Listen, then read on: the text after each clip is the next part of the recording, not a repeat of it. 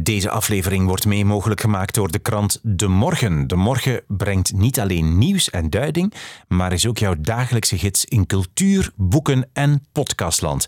En als luisteraar van deze podcast kan je nu een maand gratis kwaliteitsjournalistiek ontdekken via demorgen.be slash drie boeken. Ga nu naar demorgen.be slash drie boeken in letters geschreven en lees één maand gratis De Morgen digitaal.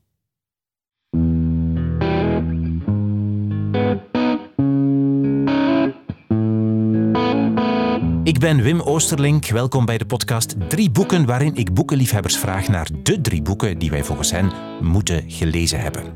Ik was voor deze aflevering thuis bij Heidi Leenaerts, 45 jaar, presentatrice bij Clara, vroeger ook op Ketnet en op Studio Brussel. Op Studio Brussel hebben wij jarenlang samen het ochtendprogramma gepresenteerd, dus we kennen elkaar zeer goed.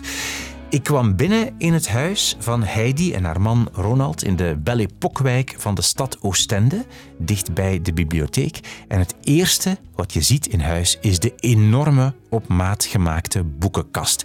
Heidi vertelt er zo meteen alles over. Er staan ook massa's boeken op de kamer van hun dochters, Lily Roos en Bonnie Lotta, in het toilet en in de muziekkamer van Ronald. Daar staan de muziekbiografieën. We hebben gepraat over Heidi, haar liefde voor Parijs, voor Jane Birkin en op welke manier ze voor zichzelf kracht put uit de levensloop van Frida Kahlo.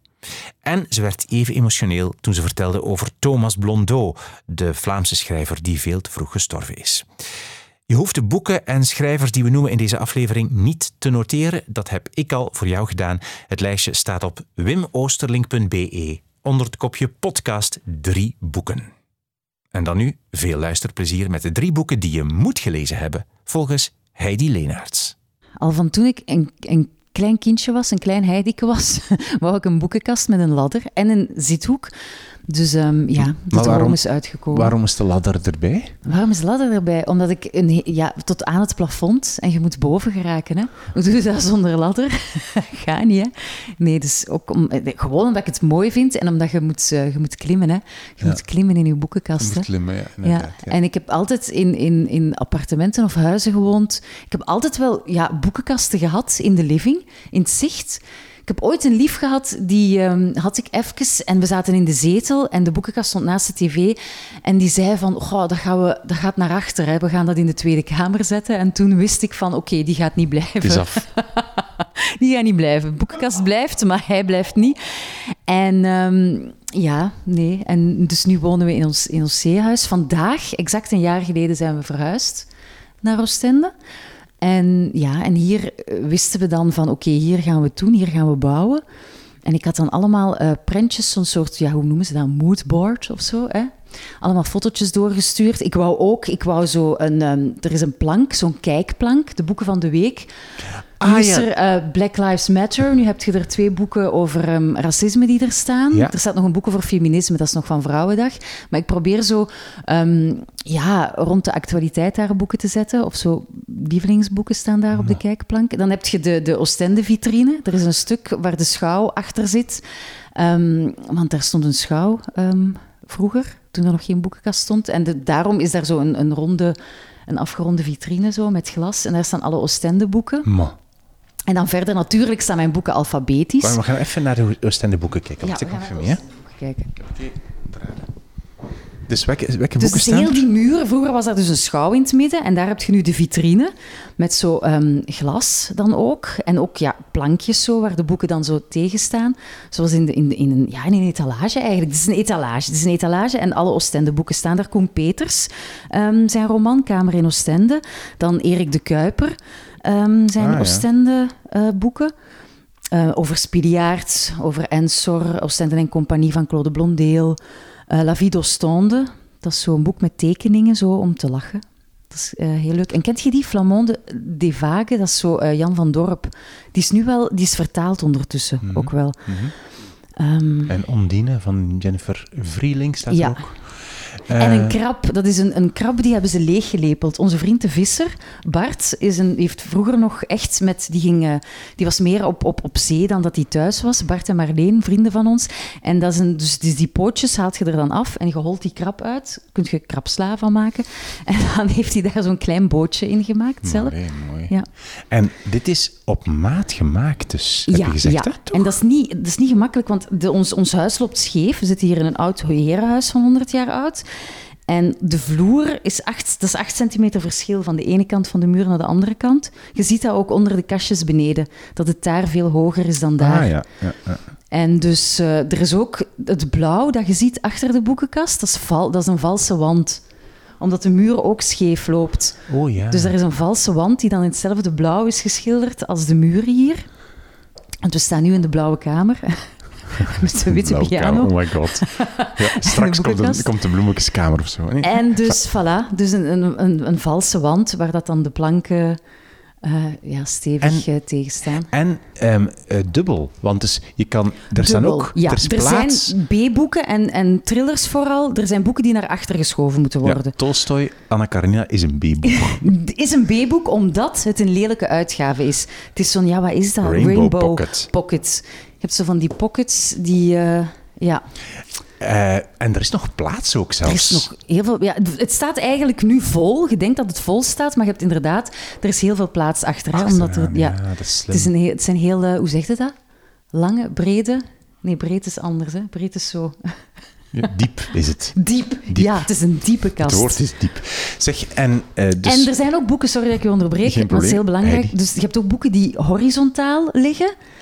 En dat zijn dan bijvoorbeeld eh, Frida Kahlo. Ik ben zot van Frida Kahlo, die mag horizontaal. Ah, ik zie het. Kunnen ook, het kunnen boeken zijn die, ofwel zijn ze speciaal, ofwel zijn er veel van. En dan kun je zo plaats sparen. Ja, dus er zijn veel Connie Palmes. Ja. En, die dan leg je dus- die op elkaar Ja, en dan kun je plaats sparen. En dan heb je ook zo'n beetje afwisseling. Dus dat vind ik ook wel leuk. Grunberg ligt ook zo. De Grunbergs. Want dat zijn er veel. Er zijn de er veel. Ja, en die John mag ook wel. Ja, voilà. Maar tof. Zeg, eh, de vorige keer dat wij, ehm, dat wij belden met elkaar, Hm. was de boekenkast ingestort. Ja. Ja, dat was omdat eigenlijk... Toch? Was was, klein- dat ja, was dat was s'nachts gebeurd, twee uur s'nachts. Dus we lagen in bed en ik dacht, er staan fietsen op de gang. En ik dacht dat er dieven in huis waren. Ik hoorde keiveel kabaal. Ik dacht dat de fietsen omgevallen waren. Dus ik heb eerst mijn man naar beneden gestuurd, zo ben ik dan wel, om te gaan kijken. En die zei, de boekenkast is ingestort. En ik geloofde dat niet en ik kwam kijken, maar het was zo. Dus die was in opbouw, dus die was nog niet af. En de zithoek, de planken boven de zithoek waren naar beneden gevallen. En dat kwam omdat ze hadden daar met het lijmpistool, ze hadden zo provisoir zo een paar ja, puntjes gezet of zo. En ze moesten eigenlijk, hij moest terugkomen om nog bij te spuiten, maar hij was dat vergeten. Oh. Ja. En dus die kast kon de boeken niet houden dan eigenlijk? Of kon zichzelf Ja, niet nee, houden? want er zoveel staat daar niet op. Het kon gewoon zichzelf niet Ja, houden. ja, ja. Dat zijn keidikke Oh. planken. Ja. Zeg maar, de zithoek is echt fantastisch. Dus eigenlijk een, een leeshoekje in de boekenkast, letterlijk. ja, dat wou ik. Ik wou een, een, een, een zithoek in de, in de boekenkast. Wie zit hier dan? Ik zit hier, je kunt in de hoek en dan met je benen kunt je zo er net in. En er is ook een lamp die boven je hoofd hangt. Ja. dan? Ja. Die werkt ook? Ja. Zal ik hem aandoen? Ja, doe eens aan. Tjuk. Oh, Oh, ja. En Ja. jij, hij zit hier dan? En, en hoe gaat het dan? Wanneer zit hij hier Oh, dan? ja, ik zal gaan zitten. Hè. Oké, dan ga je nu zitten. Maar ik heb nu mijn schoenen aan, dus dat kan ik niet. Dus je kan net zo met je benen, voilà, hopla, en dan lees ik. Ofwel, mijn twee kinderen zitten hier soms naast elkaar, alle twee met een boekje. Ze lezen graag uh, Roald Dahl. De Griezels heeft Bonnie hier gelezen, helemaal uitgelezen. Of Anne Frank hebben ze alle twee... ehm, dus ja, naast elkaar of eentje alleen, ook zoals ik nu. Ja, Hebben dus ze Anne Frank gelezen? eh, niet het dagboek, maar ik heb, eh, we zijn naar het Anne Frankhuis geweest, omdat mijn jongste deed haar eerste communie. En onze kinderen mogen dan, ehm, eh, in plaats van ja, een megafeesten doen, doen we dan een tripje. En mijn oudste dochter die had voor haar eerste communie, die wou de Eiffeltoren zien. En mijn jongste dochter wou naar het achterhuis van Anne Frank, want we hebben, je hebt zo die reeks Rebelse meisjes. Die boeken, die zijn keizaal. Er zijn er nu al twee, waarop zo op elke pagina zo'n sterke vrouw. Maar je hebt er ook aparte kleine boekjes van, maar die zijn nog niet allemaal in het Nederlands vertaald. Maar ik denk Anne Frank wel. En Coco Chanel, Simone de Beauvoir. Ik kocht die altijd als ik naar Londen ging, kocht ik er zo een paar. Dus ze hebben ook een t-shirt van Simone de Beauvoir ondertussen. T-shirt. Dat zijn kei toffe boekjes. En eh, dus Anne Frank hadden we daarvan. En dan zat ze in het tweede leerjaar en dan mochten ze een boekje mee naar de klas nemen. En had ze Anne Frank meegenomen naar de klas omdat ze daarover wou vertellen. Ik had dat ook eerst aan de juf gevraagd, want ja, Hitler en, en ja, de nazi's en zo, en wat ze met die joden doen. Maar, en dan nu hadden we in het achterhuis, dus ze wouden voor haar communie naar het achterhuis, het achterhuis bezocht. Heel onder de indruk zijn met die audioguide en al die kamertjes, helemaal tot hè, achter de boekenkast, de trap op. En, ja, en dan had ze daar het boek, dan was er zo'n jeugdboek van um, het verhaal. Um, Buiten is het oorlog, is de titel, denk ik. Een heel goed jeugdboek, ja. Mm. En dat heeft ze dan uitgelezen. Ja. Fantastisch. Um, en dus als je hier zit, mm -hmm. dan boven jou is dan de... Hoe heet het, de plank? Sorry. De, de, de kijkplank, de kijkplank, noem ik het. Inderdaad. Waar nu Why I'm No Longer Talking uh, to White People About Race op mm -hmm. staat. En tussen de wereld en mij. Ja, en, en... ook Feminists Don't Wear Pink and Other Lies. Oké. Okay. En hoe vaak verander je dat dan? Elke maand of zo? Of dat is de ambitie? Oh, dat hangt ervan af. Ik heb het toen het Valentijn was, stonden hier allemaal zo van die... Uh, ik heb zo een boek met allemaal zo liefdesbrieven gebundeld. Of zo love poems, whatever. En ja, dan zet je ja, dat daarop. Um, stel dat er iemand sterft of zo, dan komt er daarvan... Uh, ja, ja, Valentijn Vrouwendag heb ik nu gedaan, nu dit. Uh, en zit je hier vaak te lezen? Veel? Ik zit hier wel regelmatig. Dat ook de piano staat hier tegenover. En ook als mijn dochter piano speelt of oefent, zit ik hier ook naar haar te kijken. Maar ja. ik zit hier wel regelmatig te lezen. Ja. Ook als er zo voetbal op tv of extra time, of uh, als Ronald, de, dat is mijn man dan, ging erachter zit, dan... Uh, want ik lees ook wel in de zetel zo graag. Maar als daar dus mensen zijn, of, of iedereen is daar bezig, de kinderen, de man, dan zit ik hier. Ja. En je zegt, het is, gaan we terug aan tafel zitten?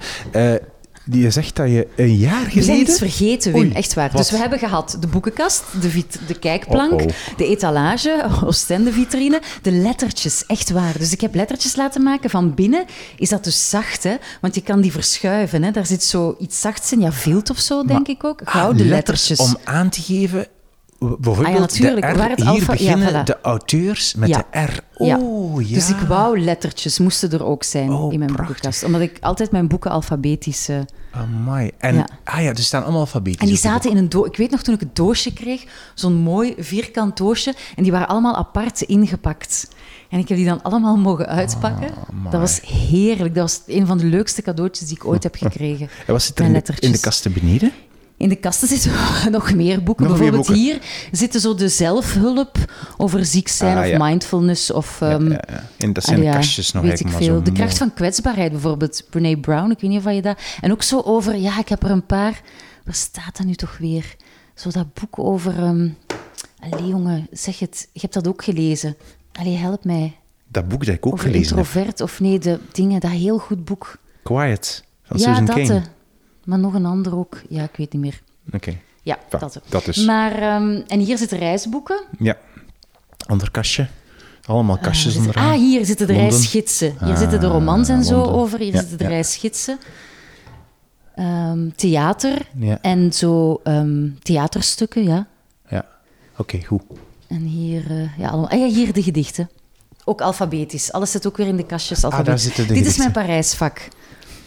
Dus Sartre en de Beauvoir zitten daar bijvoorbeeld. Maar ook, wat kan daar ook zitten? Fotoboeken over Parijs, uh, romans, Oh. uh, Sundays in Paris, dat is een soort reisgids. De New Parisienne, dat is een heel leuk boek over allemaal vrouwen. Kent je die schrijfster uh, Leila Slimani?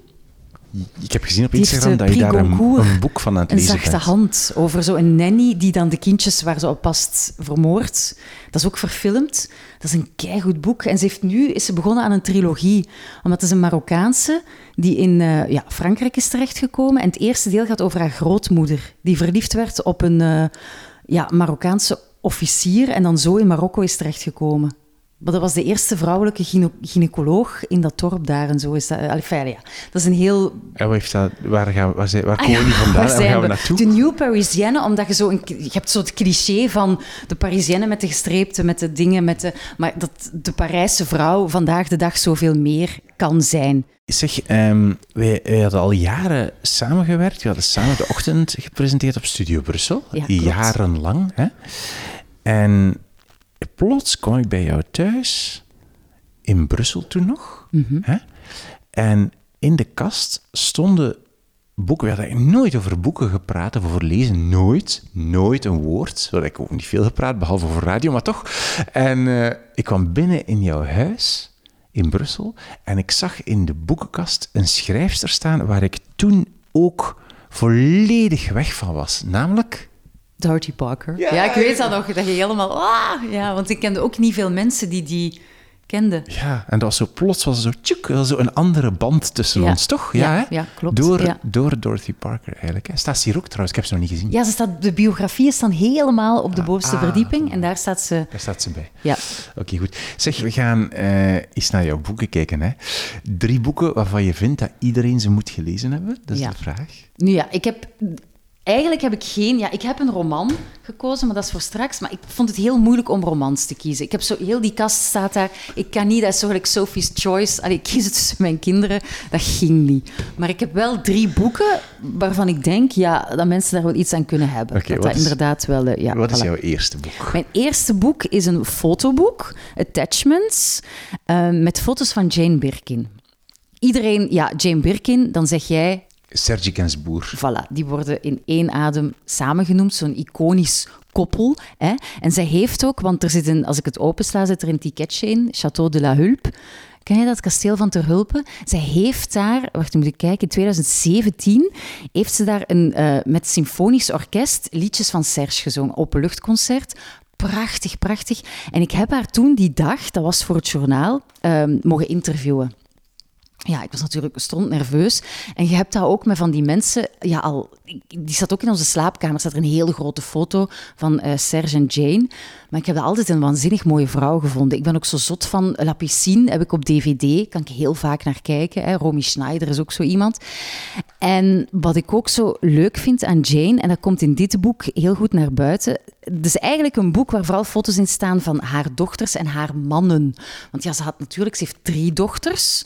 Uh, ze is eigenlijk van Engeland een beetje gevlucht. Relatie was uit met haar oudste dochter, met Kate, naar Parijs. Dan komt ze Serge tegen, dan komt Charlotte. En dan is er Lou, de jongste dochter. Hè? Dus drie dochters. Dus dit boek gaat over haar drie dochters en haar drie mannen.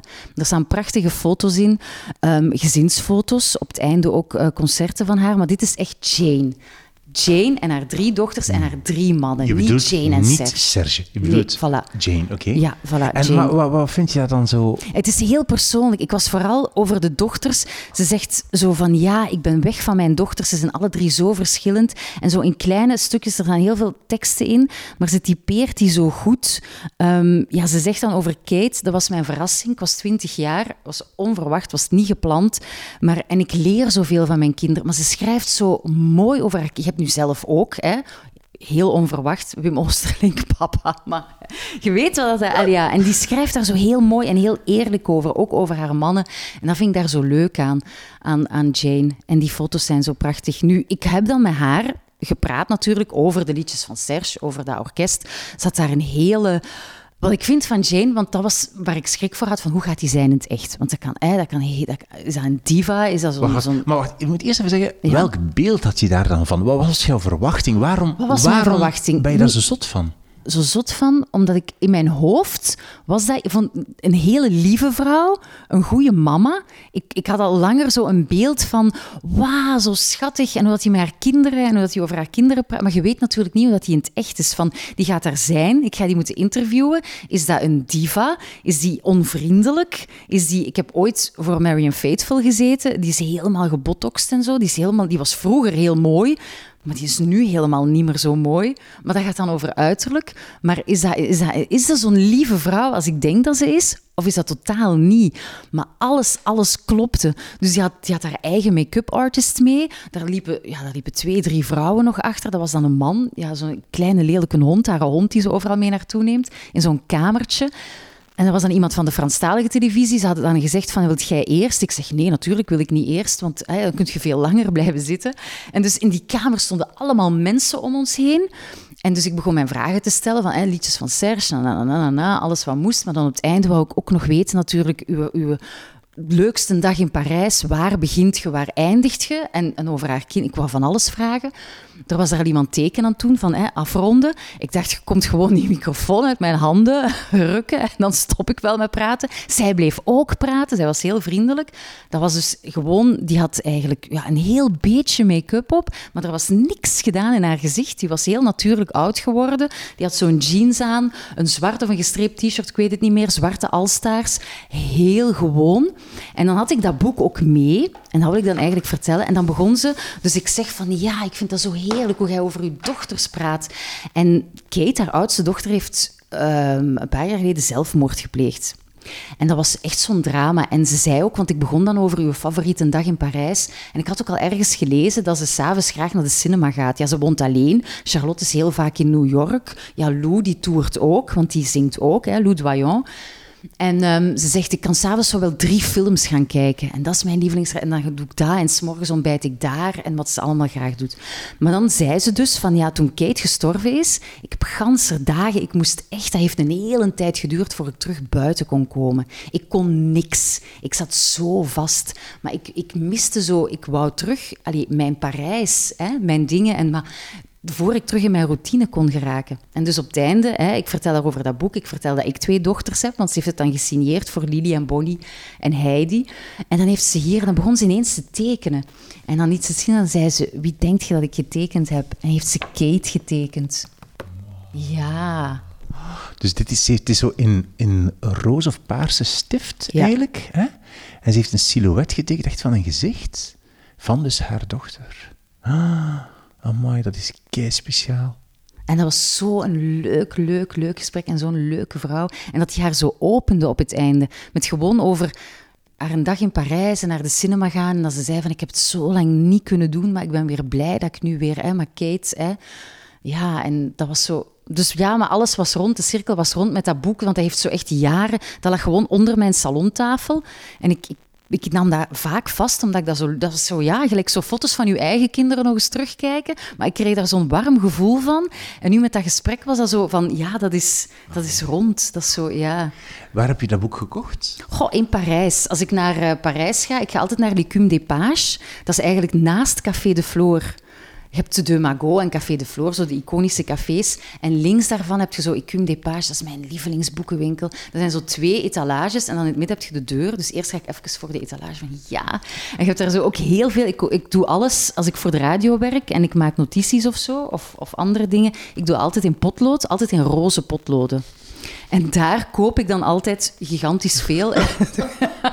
maar ik ga ook wel drie of vier keer. Ik ga nu, ik ben in, uh, we zijn in, in uh, vlak voor de lockdown, in februari denk ik, zijn we nog eens in, in Parijs geweest. En nu in juli uh, ga ik terug. Dus altijd, ik kun die page roze potloden en ik kom altijd met een boek of drie buiten. Altijd één boek voor de, voor de Parijskast. Zo. Ik heb dus mijn Parijse huizen, appartementen of een of andere vrouw die iets... Uh, en daar heb ik dat boek gevonden. maar dus, ja. wauw, uniek gesigneerd door, door haarzelf.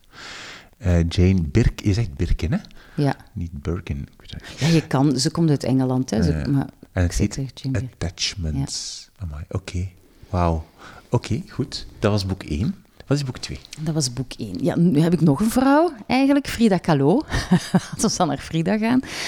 Um, en dat is eigenlijk een catalogus uh, van de tentoonstelling. Die heeft gelopen in het um, Victoria and Albert Museum in Londen. En dat was in... Uh, wanneer was dat nu? 2018? Dat was niet vorige zomer, maar de zomer ervoor heeft hij daar gelopen.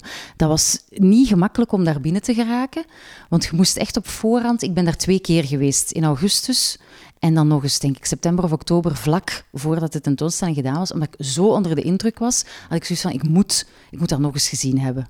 Maar ehm, ja, Frida Kahlo, ze hangt hier ook hè, trouwens in mijn living. Ah ja, je moet nog uitleggen.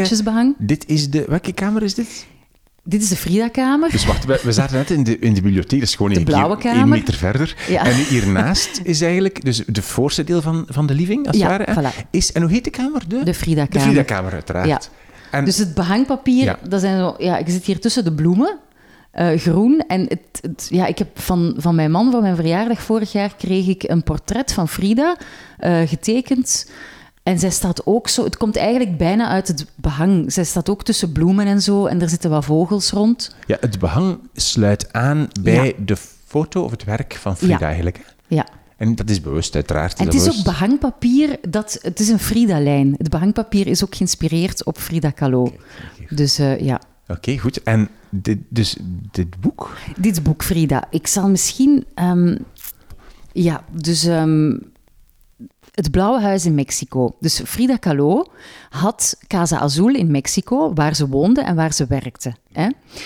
Daar was een kamer, ik denk dat dat ook gewoon de badkamer was. En Diego Riviera, de man van Frida Kahlo, heeft gezegd na haar dood: die kamer blijft zoveel jaar, 50 jaar, blijft die kamer dicht. Daar komt niemand in, wat daarin zit, komt daar niet uit. Na al die jaren is die kamer opengegaan. Daar waren jurken van haar nog, heel veel medicatie, eh, schmink. En al die dingen die daar zijn uitgekomen, waren te zien op die tentoonstelling. Ook nog haar vals been. Want je moet weten, Frida Kahlo, het verhaal van Frida, dat mens heeft nogal wat meegemaakt. Dus op 48 is die gestorven. Maar die had al eh, kinderverlamming. Dan, toen ze 18 jaar was, was er het ongeluk met de tram en de bus. Ik vergeet altijd of zij op de tram zat of op de bus. Maar die dingen botsen.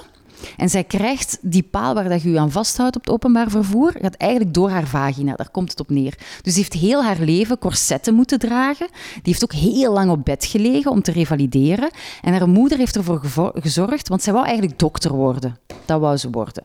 Haar moeder heeft ervoor gezorgd dat er een, een schildersezel boven haar hoofd hing en dat ze kon schilderen. Dat heeft Frida dan gedaan. Ehm, ze heeft dan vlak, ja, laat ons dat over haar lijf afmaken. Vlak voordat ze gestorven is, hebben ze nog een been afgezet van haar. Maar haar lijf was zo, het was gewoon te veel en ze is toch gestorven. Wat ik zo leuk vind aan Frida is dat die ondanks al die de nest en dat kapot lijf, die was altijd positief. Daar gingen ook allemaal brieven, bijvoorbeeld die ze naar dokters schreef, want er zijn Amerikanen naar daar gegaan, of zij ging dan van Mexico naar Amerika voor weer een behandeling, of weer een nieuw, eh, we gaan nog eens iets proberen. En dat was altijd dank u, dank u en dank u voor uw goede zorgen. En zij maakte zich altijd op, de, de titel van de tentoonstelling is ook Making Herself op, dat is opmaken, maar ook zichzelf een beetje verzinnen. Want ja, die fantasie die uit die doeken van haar, ze ze tekende ook altijd zichzelf. Ze zei ook altijd, ik ben... Ik, ik ken mijzelf het beste. Ik ben eigenlijk mijn beste onderwerp. Ze zei ook altijd, I am my own muse. En zo. Maar ehm, wat zij deed, was die corsetten ook altijd beschilderen. Dus die staten daar ook in. Vitrines stonden die daar. Dat vals been, daar hing een belletje aan. Dus elke keer als ze daarmee stapte, dan rinkelde dat belletje. Dat was ook zo mooi. Die, die versierde zichzelf, die versierde alles. Lag ze in bed, ganser dagen, omdat ze weer aan een of andere kuur was, of er, was, er scheelde weer iets. Dan nog deed hij haar mooiste kleed aan en deed hij haar haar, lang haar omhoog in vlechten en met bloemen in en haar ringen aan. En ook al wist ze niet of er die dag iemand zou langskomen, maar toch, ik maak mij mooi. Zo. En dat geeft mij zo, ja, dat geeft mij inspiratie. Zo van, ja, ik word, daar, ik, word daar, ik word daar blij van. Ik vind dat sterk dat hij dat deed. Die heeft ook een aantal, ik vind een heel sterk doek, is zo Looks Can Be Deceiving of zoiets heet dat. Dat, dat, dat niet altijd wat je ziet het, het is. Dus je hebt dan zo op die tentoonstelling gingen ook heel veel jurken van haar. In de laatste kamer heb je dan allemaal van die paspoppen die daar staan in een cirkel. Dat is heel indrukwekkend met die kleurrijke Mexicaanse jurken van haar. En op dat schilderij ziet je zo, eigenlijk heeft zij, zij staat daar dan weer met een doorschijnende jurk. En je ziet dan dat vals been, je ziet dat ding, die, die, wat, wat er in haar lijf zit, die, die, dat, om haar rug recht te houden en zo. En dan ja, zo al met hout of met ijzer of weet ik veel en zo. Van, dat je eigenlijk haar binnenkant niet ziet. Mensen zien de buitenkant, maar niet wat er van binnen zit. Dus, ehm, en zij kon dus ook, ze heeft, ze heeft wel eens geprobeerd, ze heeft dan een miskraam gekregen, maar ze kon geen kinderen krijgen. Dat was haar grote verdriet. En dat schilderde ze ook zo met haar baarmoeder. En ze zei ook altijd, ik schilder gewoon, ik schilder mijn verdriet. En dan is het op die manier geraak ik er vanaf. Of met Diego, die dan weer zo met, zelfs met haar zus dan een relatie heeft gehad, of met duizend andere vrouwen. En zij verwerkte al dat verdriet, verwerkte ze in haar schilderijen. En dit boek heb je gekocht op de tentoonstelling? Dat is het boek van de tentoonstelling, ja. Daar zit dan, dat verhaal staat daar dan in van wie dat daarbij was toen die badkamer openging, wat dat er daar allemaal was. En dan een beetje over haar, ja, ik heb nog, ik, ik heb een pak Frida boeken, maar daar uh, staat dan zo'n beetje... Je ziet hier ook alle prenten en alle dingen die er tentoongesteld waren.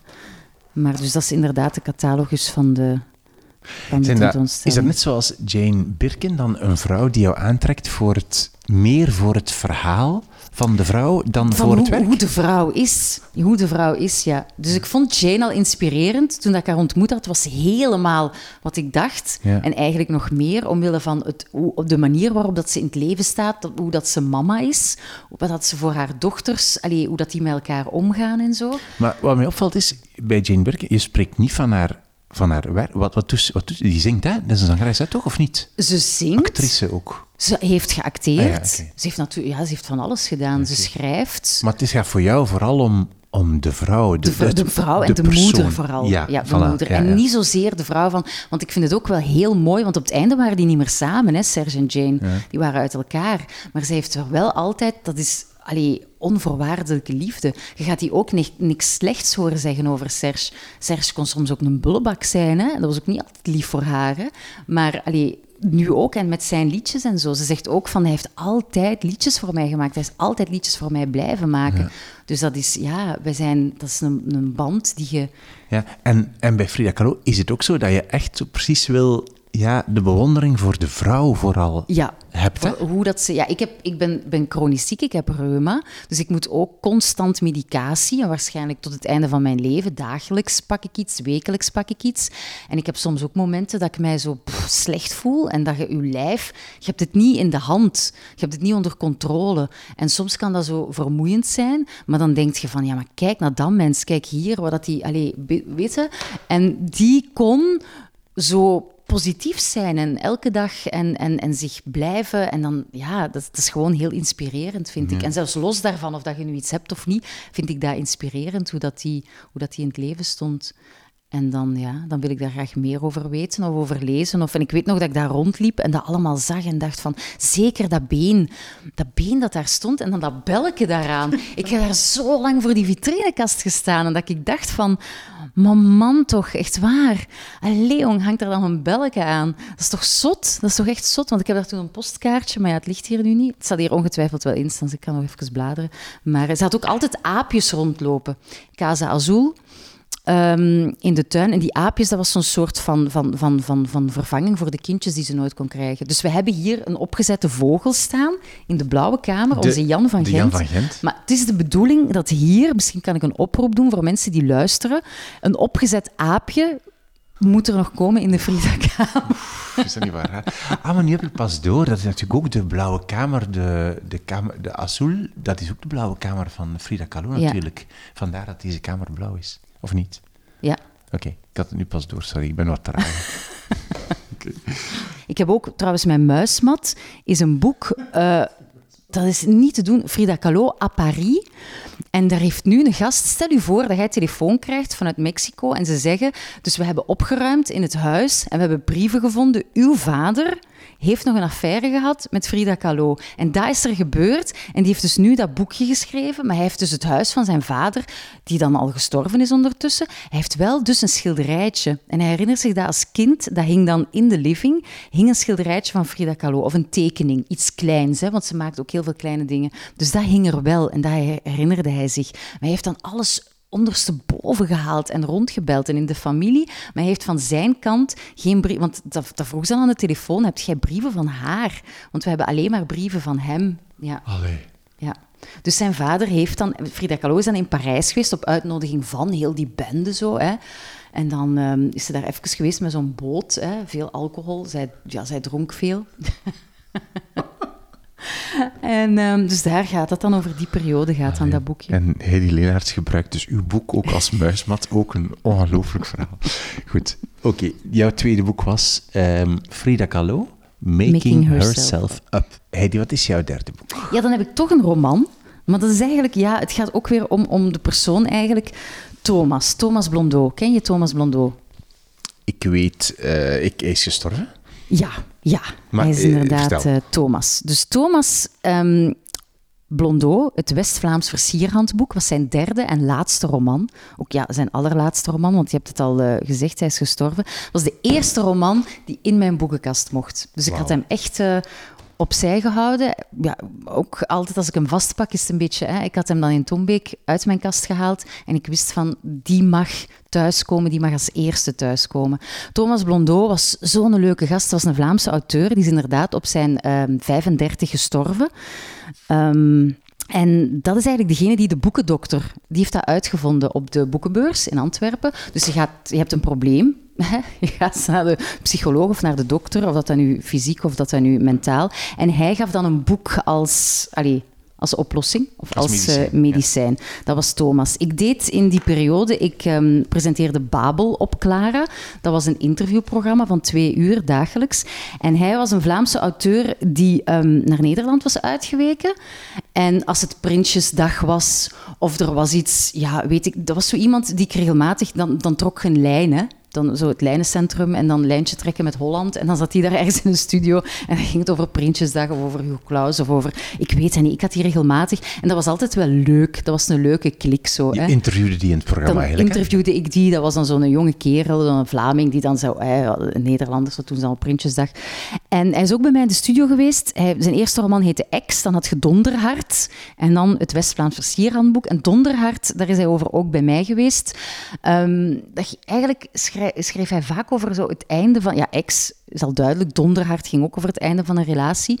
En daar werd veel over geschreven in de Vlaamse pers, omdat dat zou het einde dan geweest zijn van een relatie met een Vlaamse zangeres. En dan werd er zo gedacht van uh, hardop van wie is dat en wie zou dat toch zijn en zou het zij zijn en zou het, uh, weet ik veel. Maar hij eigenlijk niet zo leuk vond, want hij wou dat het over de roman ging en niet daarover. Want ik denk dat hij mij ook nog in de studio dan heeft gevraagd van, gaat dat toch niet, allez, het gaat daar toch niet over gaan, het gaat toch over de roman gaan. Thomas. Dan heb ik hem met dit boek. Hij was bij Radio 1 voor een interview. Het West-Vlaams Versierhandboek gaat eigenlijk over een uh, jonge kerel die van Nederland terug naar zijn West-Vlaams geboortedorp gaat. En daar dan, uh, om, om daar dan uh, thuis te komen eigenlijk. Zowel wat de liefde betreft als gewoon alles. En het ding is dat hij eigenlijk op dat moment, ik heb hem gezien in september, in oktober is hij gestorven. Um, en hij had dat boek dan bij. En het was ook helemaal zo. Het was ook helemaal zo. Hij was uh, in Nederland, had nog een relatie gehad, maar hij had nu al een half jaar of zo een relatie met een Vlaamse. Want zijn moeder was ook kei blij, want het is een Vlaamse. Dus je komt naar hier, Poperingen, daar kwam hij vandaan. Um, en hij voelde zich ook zo, we hebben dan zo heel lang gebabbeld. Uh, ja, op de VRT heb je de plantentuin, waar mensen dan afspreken om te babbelen. En dat ging dan over, ja, dat hij zich zo... Ja, ook dat derde boek, dat werd ook heel goed gerecenseerd. Hij heeft het weekend van zijn overlijden, stond er nog in, in NRC, een, een groot artikel van, ja, dit, dit is het. Nu gaat het beginnen. Hij is binnen. Het gaat, het gaat, allee, het, het, is er. Hij is er, het komt eraan. Uh, de grote Thomas Blondeau. Hè. En dan ineens, een maand later, allee, ja, dat was zo erg. En dat was voor mij, was dat je hebt dan wel grootouders gehad die gestorven zijn of zo. Of ik weet in Leuven een keer de papa van iemand op kot. Zo van oei, dan is het al zo een papa, hè, uw ouders. Dat komt dan al zo wat dichter. Maar dat was zo de eerste keer dat er iemand. Ik weet nog, ik stond in Centre Pompidou in Parijs. En ik kreeg een sms'je van iemand. En dat was zo van. Wat? Nee, alleen. Ik heb die nog. En hij ging eigenlijk. Ja, ik weet dan nog, het laatste berichtje dat ik had. Hij ging naar Clara dan komen over dat boek. Hij had het interview afgezegd, want hij had uh, pijn. Um, hij kon niet komen. Hij had dan ook allemaal medicatie gekregen en zo, maar het is zijn hart dat... Allee, het was hartfalen. Um, dus hij kon niet komen. Heb ik nog gestuurd van alles oké of zo. Van ja, ze hebben, ja hè. En dat was zo het laatste zo. En dan had ik ook zoiets van... Allee, ik weet dan nog ook dat ik Donatart aan het lezen was. Dat stom vogelke. Die, die een roman van dat vogelke. En dat ik ook zo hem... Hij moest dan wachten, want ik was daar van dat... En dan dacht ik, oh, ik heb uw boek nog niet gelezen. Ik heb nog niet eens kunnen zeggen van wat ik... En dat kwam zo allemaal... En dan die begrafenis. Roderick Six, die jij ook in uw reeks hebt gehad al.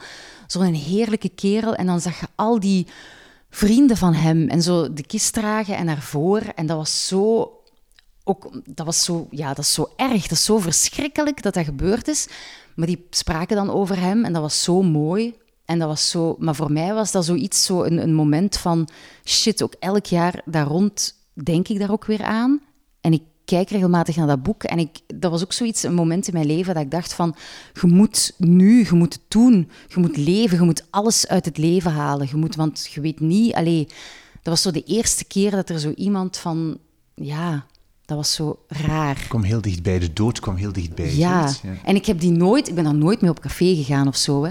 Maar dat was zo iemand, ook omdat ik, ja, als ik vroeger een vriendenboekje schreef, ik schreef niet dat ik voor de radio wou gaan werken, want de radio was iets waar ik naar luisterde. Ik had geen idee dat ik in dat kastje kon kruipen, maar ik wou wel schrijfster worden later. Dus dan had je daar zo iemand, dat romantisch idee van, oké, in Oostende gaan wonen, dat gaat nog, hè, maar Parijs, no way dat ik daar ooit een appartement kan gaan, hè, of in Parijs gaan wonen is dan weer een brug te ver. Maar dat was hier wel iemand, zo'n Vlaamse gast, een gewone kerel uit fucking Poperingen, maar die had het wel gedaan, hè. Die had wel zijn fucking appartement in Amsterdam. Hè. En die schreef wel boeken. Hè. En oké, dat eerste boek, dat tweede boek, maar dat derde boek. En iedereen schreef er wel over van ja, ja, en Blondeau. En dan denk je van wauw, en dat had ik wel met hem. Ja. En dan de laatste keer, ik zal het nooit vergeten dat we daar dan zo zaten. Want ik weet nog dat ik zei, ja, ik heb niet zoveel tijd, ook moet iets gaan inlezen. Maar ja, we gaan toch even babbelen. En dat hij zo, en dat je dan met iemand praat die dan zo blij is van ja, en mijn moeder is blij. En ik heb dan dat meisje en, en hier. En het komt allemaal. En alles kwam samen. En dan een maand later is hij er niet meer. En dan mm. denkt je van, ja, dat is het leven, hè. Het leven is eigenlijk niks, hè. Dus je moet, ja leest wat je kunt lezen nu en, en bouwt die boekenkast en, en, gaat naar waar je wilt gaan en doet wat je wilt doen. Hè, want... Ja, ja. Heeft hij er iets ingeschreven voor jou? Mag ik het zien? Voor Heidi.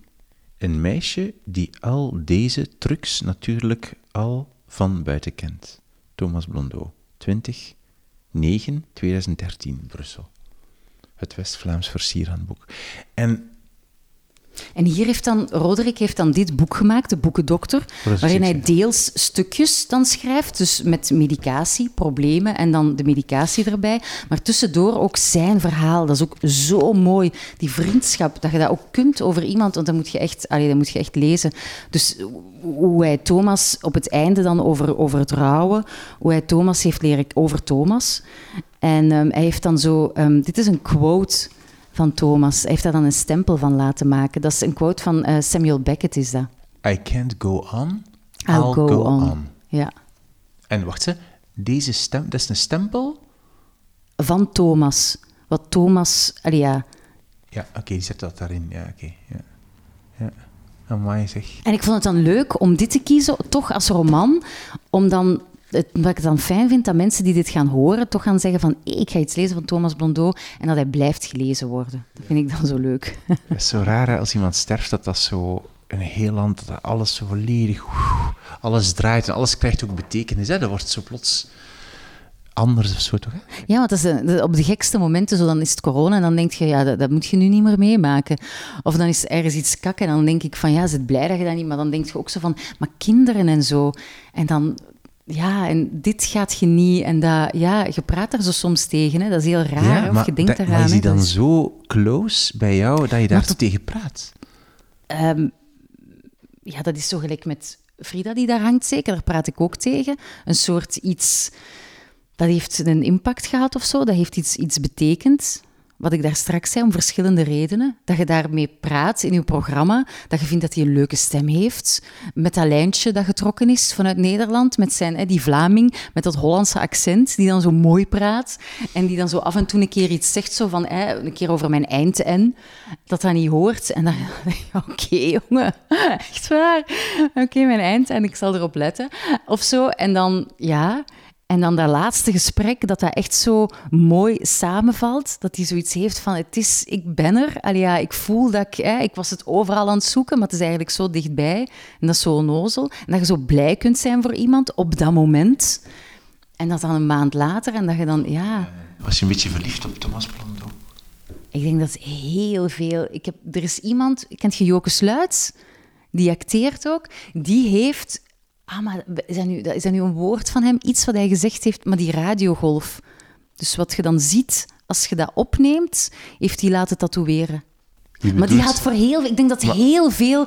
Maar jongens ook, maar iedereen was een beetje... er Iedereen die hem kende die was een beetje verliefd op Thomas Blondeau. Omdat Maar- hij zo innemend was. Wat je eigenlijk zegt is, er waren vrouwen harder verliefd dan ik zo. Hè? Dat wil je eigenlijk zeggen met die tattoo. Houd je bij wat je leest? Op Goodreads, denk ik? Ik heb in mijn agenda postkaartjes zitten altijd. En in heel klein, ik doe dan het begin van het jaar, zo mijn eerste boek, dan het volgende boek. Volgende, ik, doe, ik ben niet, maar ik ben ook iemand met een papieren agenda, nog altijd. Dus mensen halen dan hun telefoon boven op café of zo, of ergens. En ik haal dan zo mijn verfrommeld ding, dat vol ticketjes zit en weet ik veel. Ook met mijn boeken. Ik heb hier zelfs zo, het, ik weet nog, ik zei gisteren tegen mijn man van, ik heb Blondeau gelezen op het, op het vliegtuig, maar ik weet niet meer. En dan vandaag haalde ik hem voor u uit mijn kast en dat was van Rome naar Brussel. En dat ticketje zit er ook nog tussen. Ook met de verhuis, nu kwamen er allemaal dingen uit die boeken vallen, zo tramticketjes en, en Dus weet ik veel. Je steekt er dingen in Ja. van het moment dat je ze aan het lezen het bent. moment. Eigenlijk. Ik heb ook heel vaak met boeken, bijvoorbeeld Martha Gelhorn. Martha Gelhorn was de derde vrouw van Hemingway. Dat was een oorlogscorrespondente. En er zijn brieven van haar uitgekomen. Dat is een geweldig boek om te lezen. Ik ging naar Cuba en we gingen met de rugzak naar Cuba, elk een rugzak. En dat boek is bijna 700 pagina's. En Ronald zei, maar je gaat dat toch niet meenemen, dat is zot. Maar ja, die hebben daar gewoond samen. En dus natuurlijk wou ik dat meenemen. En ik heb dat daar gelezen en dat was heerlijk. Dat is een heerlijk boek. Maar ja, die zijn dan uit elkaar gegaan omdat Hemingway, ja, dat was concurrentie. Zij was minstens even goed als hem. En ook, zij was vaak weg als oorlogscorrespondent. Dat kon hij ook niet hebben. Hij mocht weggaan, maar zij niet. Ze zijn uit elkaar gegaan. Maar zij was als vrouw ook, want ze zei heel vaak van, oh, was ik maar een man, dan ging het ook makkelijker om dit te doen. Maar net omdat ze vrouw was, is niet dat ze oversentimenteel was, maar had een andere blik. En die empathie was er en zo. En met die soldaten. En, dus zij heeft hele goede dingen. Ze is ook heel oud geworden, in de tachtig. En dan heeft ze nog over in Panama geschreven en zo. Dus zij bleef tot het einde daarover eh, schrijven en, En, maar hou je ergens, dus en op een Op een postkaart postkaartje in mijn agenda schrijf ik dan op. En ik heb zo'n doos. Ik heb sinds, ja, sinds ik studeerde heb ik al mijn agenda's nog, omdat die vol eh, concertticketjes zitten en dit en dat. En daar zit dan ook altijd bij wat ik. eh, maar ik hou het eigenlijk niet proper genoeg bij. Maar niet online of zo. Ik kribbel het op een, op een, op een kaartje. Ik heb nu wel, ik, ik lees, ik pendel van Oostende naar Brussel als ik ga werken. En ik vind het super om anderhalf uur 's ochtends en anderhalf uur 's avonds te hebben. En ik lees dan. Ik heb wel veel gelezen sinds ik hier woon. En toen begon de lockdown. En dan heb ik ergens een artikel gelezen, want ik vond dat verschrikkelijk om hier dan zo... Je zit met die kinderen, je zit met die man, en dan er is zoveel rumoer. Je hebt geen, dat, dat plekske, allee, dat is een ander ritme. En dan las ik ergens een artikel, een Engels artikel, dat zei van je moet de tijd die je eigenlijk op het openbaar vervoer, public transport, die moet je nemen om je terug te trekken en dan moet je nog lezen. Maar dat was raar, want ja, dat was dan s'morgens, wanneer is dat, half acht of zo? En dan vanaf, ja, maar nu doet je andere dingen. Je zit met die kinderen en met die...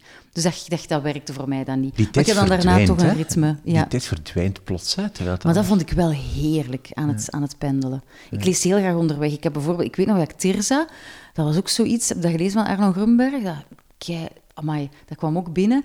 En ik ben dan verschillende keren, zelfs voorbij de VRT met de tram, dat ik te ver was, dat je opkijkt, dat je zegt, shit.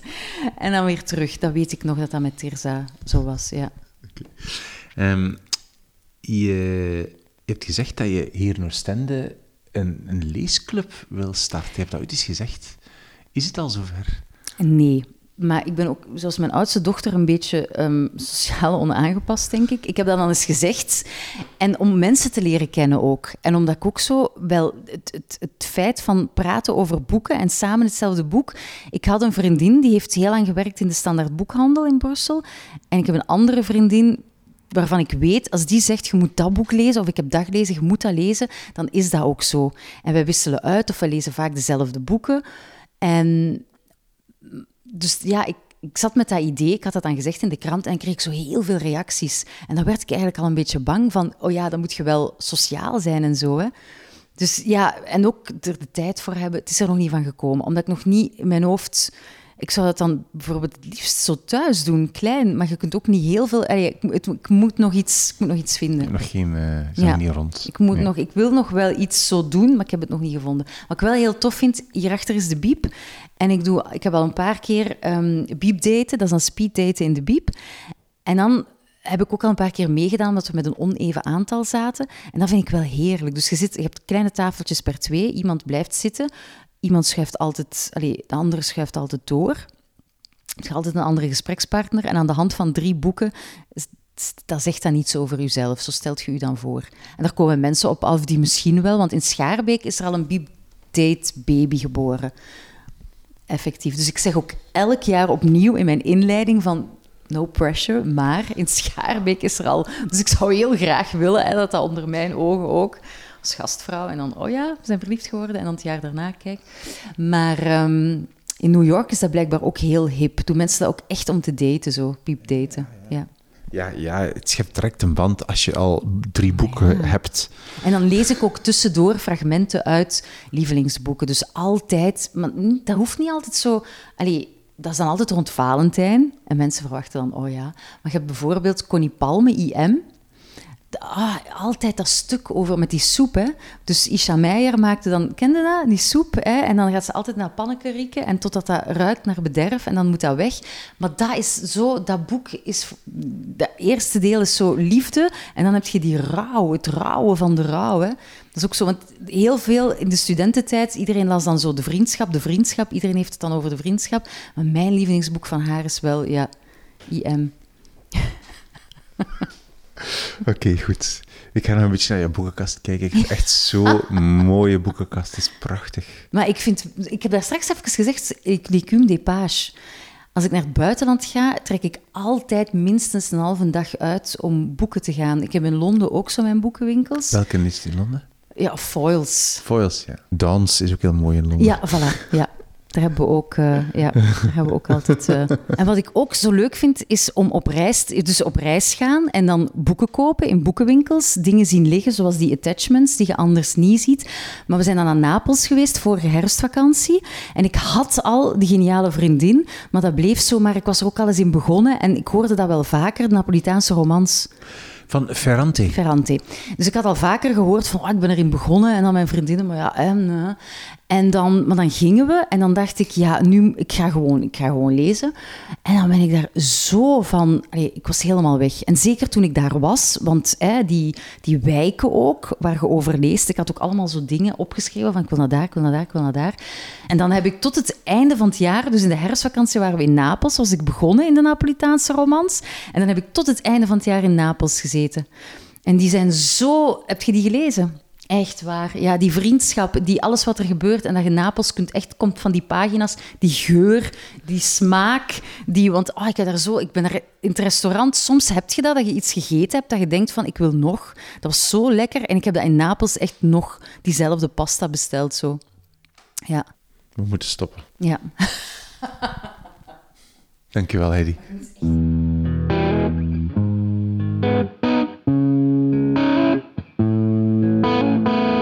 Zo, dit was mijn gesprek met Heidi Leenaerts. Alle boeken en schrijvers die hoorden in deze aflevering vind je in een lijstje terug op de website wimoosterlink.be onder het kopje podcast drie boeken.